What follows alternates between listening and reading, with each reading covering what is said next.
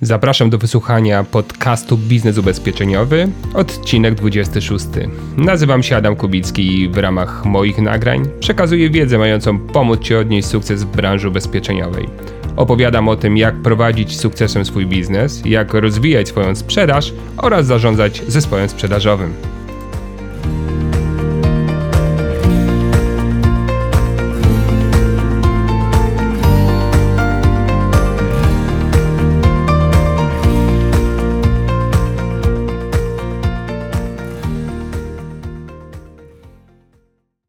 Dzień dobry, witam Cię w kolejnym odcinku mojego podcastu. Od pewnego czasu nic nie pisałem, nie nagrywałem, miałem dużo pracy. No i właśnie w ramach tej pracy dotknąłem kwestii IDD. A dokładnie dotknąłem jej w pracy z multiagencjami i zauważyłem, że no nie dość, że nie ma oczywiście wytycznych ustawowych, jak dokładnie robić pewne procesy, ale też zauważyłem, że niektórzy te procesy realizują w sposób e, już z góry, jakby z założenia niewłaściwym. No, nawet dotyczy to towarzystw ubezpieczeniowych, bo niektóre pytania do produktów majątkowych czy, czy produktów osobowych faktycznie wołają o pomstę do nieba. Są to pytania nie mające nic wspólnego z prawdziwą ideą analizy potrzeb. I w związku z tym stwierdziłem, że nagram e, krótki podcast, w którym dam wszystkim zainteresowanym kilka wskazówek związanych z tym, jak w ramach IDD budować swoje profile czy sposoby analizowania potrzeb klientów. E, głównie skupię się na ubezpieczeniach majątkowych, dlatego że w kategorii ubezpieczeń życiowych, e, zwłaszcza jeżeli ktoś jest agentem sieci własnej, takie arkusze tak naprawdę funkcjonują już od wielu lat i to z dużym powodzeniem, więc tam IDD w kontekście analizy potrzeb nie jest agentom straszne. Za to faktycznie w majątku myślę, że jest bardzo dużo do zrobienia. Także dzisiaj, dzisiaj opowiem e, Tobie o moich doświadczeniach, o, dam Ci kilka wskazówek, no i mam nadzieję, że to pomoże stworzyć swój idealny profil analizy potrzeb klienta. Zacznijmy może od tego, co IDD dobrego przyniesie naszej branży, bo jestem gorącym zwolennikiem e, tego, aby mm, wykorzystać e, tą zmianę, właśnie e, tą zmianę wykorzystać jako Twoją szansę do zwiększenia swoich dochodów, do usprawnienia swojego biznesu, a nie jako kolejną upierdliwość, którą musisz realizować w swoim biznesie. Bo naprawdę, jak dobrze przemyśli strategię IDD, a zwłaszcza w kontekście analizowania potrzeb klientów, klientów, to to jest ogromna szansa na to, żeby wymawiając się tym, że no, masz taki wymóg ustawowy, no właśnie zacząć tę analizę potrzeb w ogóle realizować. Dlatego, że doskonale wiemy, że w wielu przypadkach e, tej analizy potrzeb nie ma i to często wymusza klient e, pośpiechem czy informacją, że po prostu chce najtaniej. No i często mamy takie sytuacje, że są jakieś odnowienia bez aktualizacji tej obecnej sytuacji klienta, zwłaszcza na przykład majątku, w nieruchomościach, gdzie zmiana majątku czy struktury firmy, czy nawet chociażby wartości mieszkania czy domu w ogóle, czy prawie w, w ogóle nie jest uwzględniana przez agentów, no właśnie z racji tego nacisku klienta na, na to, aby się z poziomu ceny nic nie zmieniało. No i teraz wyobraź sobie taką sytuację, że siedzi z klientem, wyjmujesz arkusz analizy potrzeb i mówisz, no proszę pana, zgodnie z nowymi wytycznymi, z nową ustawą, przepisami Unii Europejskiej, no ja nie mogę w taki prosty sposób panu już doradzać, musimy tutaj wypełnić właśnie taki arkusz pana potrzeb. No i teraz masz wymówkę, nie twoja wina, a ty pięknie, pięknie działasz. I dlaczego to może wpłynąć na zwiększenie naszych dochodów? E, bo doskonale wiemy, że wiele polis e, w różnych obszarach i majątkowych, i życiowych sprzedaje się w takim zakresie dużo węższym niż z poziomu potrzeb klienta e, powinno być sprzedawane. A więc jeżeli dołożymy e, kilka dodatkowych pytań, może się okazać, że klient wyjdzie z bardziej kompleksowym rozwiązaniem, no co też oczywiście wpływa na, na poziom składki i też na Twoją e, prowizję. I dlatego to jest w mojej ocenie bardzo duży plus tej zmiany, który albo wykorzystasz y, i zwiększysz swoje dochody, obroty, no albo narzekając na tą zmianę, wręcz przeciwnie, razem z klientem będziecie płakali, że teraz musicie robić takie, e, takie rzeczy, bo najgorsze, co możesz zrobić, to wytłumaczyć klienta, że no, klientowi, że jest taka karta, jesteś do niej zmuszony, ale ona ci się też nie podoba, no ale przejdźmy to razem wspólnie, bo ojejku i ojejku. No więc to na pewno nie byłoby dobre. Oczywiście wiele osób e, pyta, dlaczego nie ma takich wytycznych w innych branżach. I ja chciałbym też e, odpowiedzieć na to pytanie. No wyobraźmy sobie, że jest takie, takie ID, wymóg analizy potrzeb klienta w branży motoryzacyjnej. No i idziesz sobie kupić samochód, wchodzisz do salonu, no a ym, widać ją sprzedawca, handlowiec i mówi, no usiądźmy, zanim pokażę panu różne modele, przebadajmy pana potrzeby. No dobrze. Jeździ pan po terenie jakimś takim często gruntowym, nierównościach e, i e, gdzieś tam offroadowe rzeczy pan realizuje? Nie, nie, zupełnie nie. Ok, czyli jeepy odpadają, ok. A ma pan jakieś e, takie, dużą rodzinę ma pan? No nie, ja sam jestem. Aha, czyli suwy odpadają i limuzyny też. Mogłoby się okazać, że większość klientów e, kupi, czy powinna kupić dużo mniejszy samochód, dużo tańszy niż tak naprawdę to dzisiaj dzisiaj realizuje. E, co oznacza, że akurat ta zmiana, w przeciwieństwie do naszej branży, spowodowałaby zmniejszenie obrotów e, w branży motoryzacyjnej i e, sprzedaż głównie małych i średnich aut. No właśnie, czemu tak? Ano, różnica jest w tym, że ludzie, zarówno osoby sprzedające, jak i klienci, często mylą słowo potrzeba ze słowem pragnienie. zauważ, jeżeli klient przychodzi do salonu samochodowego i mm, kupuje samochód droższy niż powinien, z dużą ilością gadżetów, to nie dlatego, bo potrzebuje, tylko dlatego, że tego po prostu pragnie.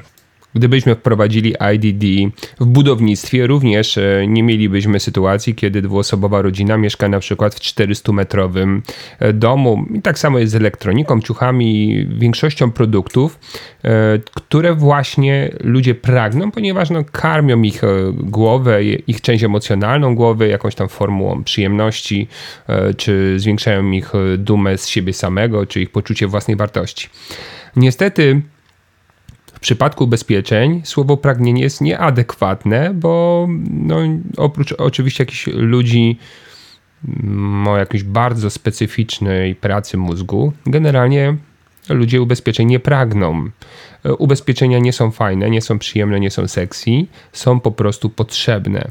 I dlatego, jak mówimy o analizie potrzeb, to nie mówimy o tym, aby spytać klienta, czego chce w ubezpieczeniach, bo w momencie, kiedy takie pytanie zadam, to bardzo rzadko będę miał mm, gotową listę po stronie klienta, tylko trzeba zbadać, co klient potrzebuje. I tutaj w ramach tych potrzeb mamy dwie grupy. Potrzeby uświadomione, czyli klient już od jakiegoś czasu wie, że taka potrzeba w jego życiu istnieje i korzysta z rozwiązań, ale też często mamy tak zwane potrzeby nieuświadomione, bo klient nawet nie wie, że albo A w danej sytuacji mógłby pojawić pojawić się problem, albo B, że jest na to rozwiązanie. No chociażby w komunikacji mamy ubezpieczenie GAP, mm, które y, mimo, że ma dużą wartość, bardzo rzadko jest kupowane przez klientów, ale gdybyśmy zadali sobie pytanie, czy rzadko, ponieważ mm, nie potrzebują, to prawdopodobnie nie rzadko, ponieważ y, doradcy nie analizują tej ich nieuświadomionej potrzeby w tym obszarze. Gdybyśmy zaczęli analizować, jak często agenci, multiagenci, pracownicy biur E, w których sprzedaje się ubezpieczenia, zadają pytanie o potrzebę, którą obsługuje GAP, no to prawdopodobnie statystyka byłaby bardzo mizerna. No i teraz, skoro klient ma nieuświadomioną potrzebę, to sam się nie odzywa.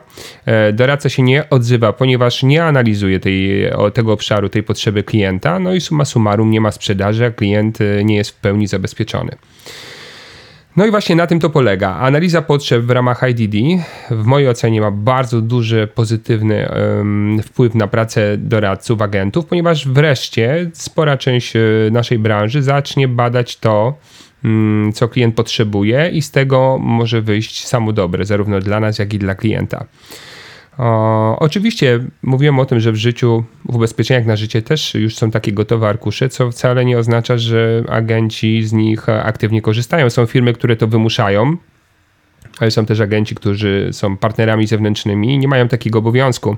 Zdarzyło mi się na przykład y, doświadczyć klientki, której wiek wynosił 50 lat i miała zawarte ubezpieczenie, którego głównym celem, mówimy o jej celu, o jej potrzebie było oszczędzanie na emeryturę, a mimo, że miała już dorosłe dzieci samodzielne i które sobie dają radę, e, mimo, że nie miała męża, to w ramach tego ubezpieczenia połowa składki szła na ubezpieczenie na życie. No i to był faktycznie mm, taki produkt kompletnie niedopasowany do, do sytuacji i też marnujący pieniądze klientki. E, więc wracając do, do kreowania potrzeb klientów, jeżeli stworzysz w każdej kategorii produktów, które doradzasz, właściwy arkusz potrzeb i będziesz go regularnie stosował, to ja gwarantuję ci, że już po pierwszym miesiącu stosowania tego typu narzędzi zauważysz wzrost składki i zwiększenie liczby sprzedanych e, propozycji. Oczywiście cała tajemnica tego sukcesu będzie leżała w tym, e, jak te arkusze przygotujesz, jakie pytania przede wszystkim, jakie pytania w nich e, będą się zawierały. I, no i oczywiście, czy regularnie będziesz to stosował w pracy z klientem. Więc skupmy się teraz przez chwilę na tym, jak tworzyć arkusz profesjonalny i skuteczny arkusz analizy potrzeb klienta. Pierwsza bardzo ważna zasada dotycząca tworzenia arkusza analizy potrzeb, dotycząca tworzenia pytań w tym arkuszu, mówi o tym, abyś używał słów, określeń, które są dla klienta w 100% zrozumiałe. Co wcale nie jest takie oczywiste, bo pracując wiele lat w branży, posługujesz się językiem, który dla ciebie jest e, zrozumiały i oczywisty, ale niekoniecznie każdy klient e, wie, co masz na myśli. No, chociażby takie dwa słowa jak e, franszyza czy all risk mogą okazać się dla klienta trudnym orzechem do zgryzienia. Kłopot polega na tym, że klient słysząc takie pytanie, mm, odpowiada na nie, nawet go nie rozumiejąc bardzo często, a wynika to z tego, że jego poczucie własnej wartości nie pozwala mu się przyznać, do tego, że po prostu nie rozumie, o co go pytamy. No i wtedy mamy sytuację dla nas, oczywiście dla klienta niekorzystną. A więc e, spójrz na swoje pytania, jeżeli już masz jakieś stworzone i zastanów się, czy wszystkie określenia, które są tam umieszczone, słowa, wyrazy, definicje, czy to jest coś, co jest na pewno napisane prostym językiem, zrozumiałym dla osoby, która no, najtrudniejszy wariant nie ma o ubezpieczeniach zielonego pojęcia. Więc taka rewizja mm, jest istotna, warto ją e, zrealizować. Kolejna bardzo ważna zasada w pytaniach, uważaj, to jest mega istotne, skupiaj się na e, skutkach, które wywołuje posiadanie ubezpieczenia, a nie na nazwie czy opisie ubezpieczenia. No i mm, generalnie mm, prawdopodobnie będzie taka tendencja na razie, że w wielu takich pytaniach, no już parę takich widziałem właśnie analiz, jest nakierowanie w tym pytaniu uwagi klienta na ubezpieczenie. Czyli na przykład no weźmy sobie mm, może najprostszą formułę ubezpieczenia, czyli ubezpieczenie OC, komunikacyjne oczywiście i na przykład pytania Ok, czyli mamy to OC. No i mam do Pana pytanie, czy Pan chce też na przykład NW? Albo czy yy, chciałby Pan też rozszerzyć to ubezpieczenie o assistance? Albo czy, nie wiem, chciałby Pan mieć na przykład ochronę zniżki? Albo yy, dodać Panu szyby do tego ubezpieczenia? I teraz e, takie posługiwanie się nazwami produktów wcale w ogóle nie bada potrzeb klientów, wręcz przeciwnie, kojarzy się klientom z dodatkowym kosztem. E, I większość odpowiedzi w takiej sytuacji, przy takich pytaniach będzie oczywiście nie tego nie potrzebuję, nie potrzebuję, ale nie dlatego, że tego nie potrzebuję, tylko dlatego, że nazwa produktu, mm, no zakładam, że nie korzystałem z tego wcześniej, tak? Nazwa produktu nie kojarzy mi się z realizacją jakiejś mojej potrzeby, kojarzy się z wydatkiem. I teraz e, jest ogromne niebezpieczeństwo w branży, że właśnie mm, tworząc te pytania do analizy potrzeb w poszczególnych kategoriach produktów ubezpieczeniowych, osoby, które je tworzą, będą właśnie kierowały się nazewnictwem produktów. Czyli czy jest Pan zainteresowany NNW właśnie, tak? Czy hmm, chce Pan do tego ubezpieczenia dołożyć sobie koszty leczenia? I tak dalej, i tak dalej. I to jest droga donikąd. Nic się w tym momencie nie zmieni, oprócz tego, że, uwaga, e, większość klientów odpowie nie, nie, nie, bojąc się o dodatkowe koszty i osoby, które e, stosują takie pytania, wytworzą w sobie przekonanie, że nie warto badać potrzeb klientów, ponieważ i tak na wszystkie odpowiedzi w większości przypadków jest nie i klient ląduje na minimalnym zabezpieczeniu i minimalnej składce. Więc jest to, efekt tego może być w mojej ocenie niebezpieczny, bo jak raz wytworzy sobie doradca, osoba sprzedająca, agent takie przekonanie, no to niestety będzie ono wpływało potem na jego dalsze działania, czyli będzie po prostu, jeżeli będzie do tego zmuszony, tą analizę, no już użyję niemiłego słowa, odwalał razem z klientem. I teraz jak to zmienić? E, istotne jest to, żeby w pytaniach nakierować koncentrację klienta na jego potrzebę, którą to ubezpieczenie realizuje. I teraz, żeby y, tworzyć takie pytania, trzeba nauczyć się używania takich sformułowań czy słów w tych pytaniach, jak na przykład, czy ważne byłoby dla Pana, gdyby, albo um, czy czułby się Pan bezpieczniej w sytuacji, jeśli e, przy takim zdarzeniu firma ubezpieczenia zrobiła, ubezpieczeniowa zrobiłaby dla Pana coś takiego. E, czy byłoby to dla Pana wygodne, gdyby w zdarzeniu X E, zadziałało się na przykład jakieś działanie towarzystwa Y. E, czyli takie sformułowanie, jak czy byłoby ważne, czy czułby się klient bezpieczniej, czy byłoby to dla niego wygodne, komfortowe, czy byłby zadowolony, gdyby w takiej sytuacji firma zrobiła dla niego to czy tamto. To jest właśnie taka konstrukcja, na której należy się E, skupić. Czyli pamiętaj, podstawą nie produkt, a efekt, który ten produkt generuje da, przy danym zdarzeniu. No i na przykład wracając do tego OC, można na przykład zadać pytanie klientowi, tak, czy w przypadku awarii, na przykład na autostradzie o, za granicą, bo wiem, że pan jeździ, byłby pan zadowolony, gdyby na koszt towarzystwa zostało dokonane tak, scholowanie pana pojazdu, a pan miał opłacony nocleg i na przykład jeszcze dany samochód zastępczy. I teraz, czyli e, punkt pierwszy, opisałem jakieś zdarzenie, prawdopodobne, adekwatne do sytuacji klienta. Jeżeli nie jesteś pewien, to możesz wcześniej wypytać klienta, czy takie podróże realizuje, a potem pytam, właśnie wartościując tak, tą potrzebę, czyli wracam do słów ważne, bezpieczne, wygodne, komfortowe zadowolenie klienta, tak? czyli czy w takiej sytuacji zadziałanie firmy w dany sposób byłoby dla klienta korzystne, czy byłby zadowolony, czułby się bezpieczniej, czy byłoby to dla niego ważne. I teraz mnie jako klientowi, jeżeli dotykasz faktycznie takiej realnej e, sytuacji, potencjalnie realnej, która może się zdarzyć, trudno odpowiedzieć na przykład nie, nie byłbym zadowolony albo nie, nie czułbym się wtedy bezpieczniej. Proszę pana, nie byłoby to dla mnie wygodne, bo jest to przeciwne no, do właściwie tego, co, co ci opisałem, więc y, bardzo często w tym momencie klient y, odpowie jakby torem logiki tego pytania. No i pan co, no tak, byłoby to dla mnie ważne. No jasne, czułbym się bezpieczniej i tak, byłoby to dla mnie komfortowe.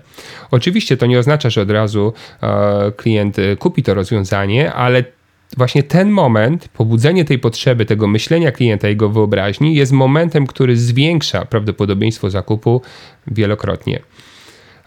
No, czy na przykład mamy tak e, NNW, czyli pytam w przypadku jakiegoś poważnego zdarzenia na drodze, które spowodowało tak, jakiś e, problem z Pana zdrowiem, czy byłoby to dla Pana ważne, żeby firma ubezpieczeniowa dodatkowo wsparła Pana odszkodowaniem, tak, proporcjonalnym do, do utraty zdrowia. No i znowu klient mówi ważne, nieważne e, i rzadko to nieważne się e, pojawi. Um, czy w przypadku takiego zdarzenia, jak na przykład, nie wiem, kamień spod y, koła samochodu przed panem jadącego, który uszkodzi szybę, gdyby w przypadku takiego zdarzenia firma ubezpieczeniowa wymieniła pana, panu w ramach ubezpieczenia szybę, a pan nie musiałby ponosić własnych kosztów, czy czułby się pan y, z tym wygodnie, tak, komfortowo, albo czy byłby pan w takiej sytuacji z tego zadowolony? Tak byłbym, ok, no to w e, ramach OC, tak, możemy tutaj panu zaproponować właśnie tego typu ochronę. Czyli najpierw jedno pytanie, które nakierowuję koncentrację klienta na hipotetyczną sytuację, zdarzenie i efekt, który wywołuje ubezpieczenie. Jeżeli jest zgoda klienta, czyli jakby potwierdzenie tej potrzeby, dopiero wtedy mm, przechodzimy na to, że istnieje rozwiązanie, które, które nam to daje, tak, i wtedy szacujemy koszty, zakres, tłumaczymy klientowi, na czym to polega. No i taki mechanizm prowadzenia klienta za rączkę w tym arkuszu analizy potrzeb, w mojej ocenie i z moich wieloletnich doświadczeń, będzie powodował bardzo często zakup elementów dodatkowych do ubezpieczenia, czyli takiego zakup pakietowy, mm, dużo częściej niż dzieje się to, niż dzieje się to dzisiaj. Także mm, pamiętaj, dwie bardzo ważne reguły dotyczące tworzenia arkusza. Pierwsza to taka, abyś używał słów i sformułowań dla klienta zrozumiałych, i druga, przy formułowaniu pytań, pytań koncentruj się najpierw na mm, efekcie, który ubezpieczenie daje klientowi, z weryfikacją, czy ten efekt jest dla klienta e, ważny, tak? A później dopiero e, koncentruj się na rozwiązaniu, czyli produkcie, który ten efekt e, realizuje. No i myślę, że właśnie tego typu mechanizm spowoduje, że IDD, właśnie ten arkusz analizy potrzeb, zamiast jakimś kłopotem, będzie dla ciebie dodatkowym bonusem biznesowym. Oczywiście na początku będzie kosztowało cię trochę czasu, aby przygotować arkusze analizy potrzeb na wszystkie kategorie produktów, które proponujesz, ale czym szybciej to zrobisz, e, tym szybciej będziesz e, mieć z tego profity. I tu wa ważne jest to, aby powiedzieć jeszcze o jednej rzeczy. No wyobraźmy sobie taką sytuację, że pracuje z klientem nad y, analizą jego potrzeb dotyczących ubezpieczenia nieruchomości. No i masz tą serię pytań na formularzu. Pytasz, czy to byłoby dla pana ważne, czy był pan zadowolony, gdyby w takiej sytuacji działo się to czy tamto, i klient mówi tak, tak, tak, tak, tak. Potem dochodzisz do mm, skonstruowania propozycji w oparciu o odpowiedzi klienta, no i pokazujesz tę propozycję i pokazujesz również jej koszty. No i klient patrzy na koszty, łapie się za głowę i mówi, że jest to dla niego za drogo. I teraz jest taka zasada w metodach wywierania wpływu, która mówi o tym, że słowo pisane oddziałuje na ludzi silniej niż mówione. Skoro jest coś napisane, klient to pozaznaczał, że jest to dla niego ważne, to ja teraz mogę wziąć ten arkusz, e, dać to klientowi do ręki i spytać, z których elementów ochrony pana nieruchomości chciałby pan w takim razie zrezygnować. Które są mniej dla pana ważne albo w ogóle nieistotne. No i teraz ja jako klient, kiedy miałbym na przykład, nie wiem, skreślić, czy powiedzieć to, to, to, tego nie chcę i tego nie chcę, jest to dla mnie dużo trudniejsze. E, no ze względu na to, że generalnie wcześniej ta analiza spowodowała, że on sobie uświadomił, że tych wszystkich elementów e, potrzebuje ale zakładamy, że klient mówi, wie pan co, u mnie to jest tak bezpiecznie, że generalnie możemy z tego zrezygnować, u mnie to jestem w takim miejscu, że raczej to się nie wydarzy, jest to małe prawdopodobieństwo i tak dalej. No i twoją ostatnią szansą jest na przykład to, aby na przykład na dole formularza, gdzie jest podpis klienta, poprosić klienta, y, zanim pan podpisze ten formularz, bo wie pan, jest to wymóg ustawowy, tak, przy takiej policji ja muszę mieć mm, takie potwierdzenie, że zbadałem pana potrzeby, y, okraszone pana podpisem, no tylko mam prośbę, aby pan tutaj napisał, że świadomie rezygnuje z ochrony swojej nieruchomości w takim i takim zakresie. I dopiero pana podpis. I teraz, jeżeli ja jako klient mam podpisać, że świadomie rezygnuję, to już w ogóle potrójnie mam z tym taki, wiesz, mentalny, mentalny kłopot. To może oznaczać, że część klientów oczywiście podpisze, a część powie pan co, to, to może jednak faktycznie zróbmy to w tym e, szerszym zakresie.